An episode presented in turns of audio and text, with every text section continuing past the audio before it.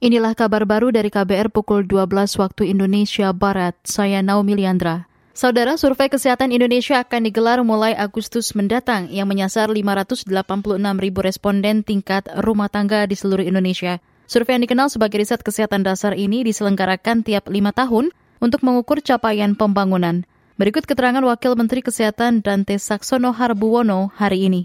Karena itu dibutuhkan alat bukti yang sangat sensitif yang mewakili kondisi masyarakat di Indonesia.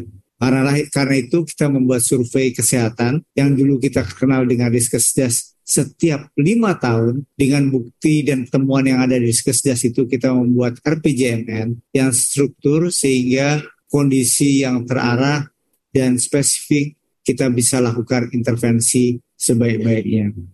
Wakil Menteri Kesehatan Dante Saksono Harbuwono menambahkan survei kesehatan Indonesia bisa memperlihatkan gambaran pola penyakit di masyarakat.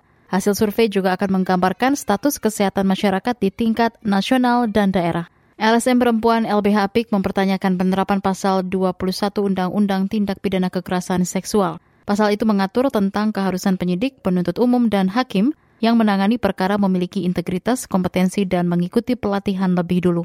Masalahnya kata koordinator LBH Apik Jakarta Dianovita hingga kini belum ada peraturan pelaksana dari pasal tersebut. Kemudian telah mengikuti pelatihan terkait penanganan perkara tindak pidana kekerasan seksual. Nah sampai sekarang peraturannya belum ada, peraturan pelaksananya terkait pelatihan, tetapi undang-undang ini sudah mulai dijalankan.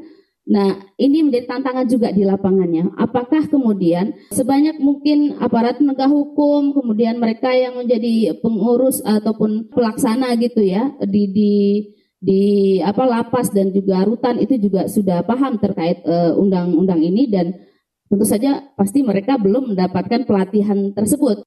Koordinator di LBH Apik Jakarta, Dian Novita, mendesak agar seluruh aparat penegak hukum memenuhi persyaratan lebih dulu sebelum menangani perkara tindak pidana kekerasan seksual.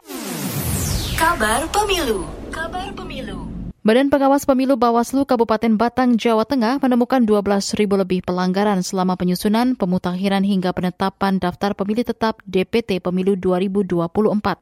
Pelanggaran didominasi salah data tempat pemungutan suara TPS atau temuan satu kartu keluarga beda TPS yang mencapai 8 ribuan kasus. Ada pula temuan data pemilih ganda sebanyak 270-an kasus, pemilih tidak memenuhi syarat 3.800-an kasus, dan 200-an perbaikan data pemilih. Koordinator di Bawaslu Kabupaten Batang Hikmatun mengklaim belasan ribu pelanggaran itu sudah diselesaikan di tingkat pengawasan desa.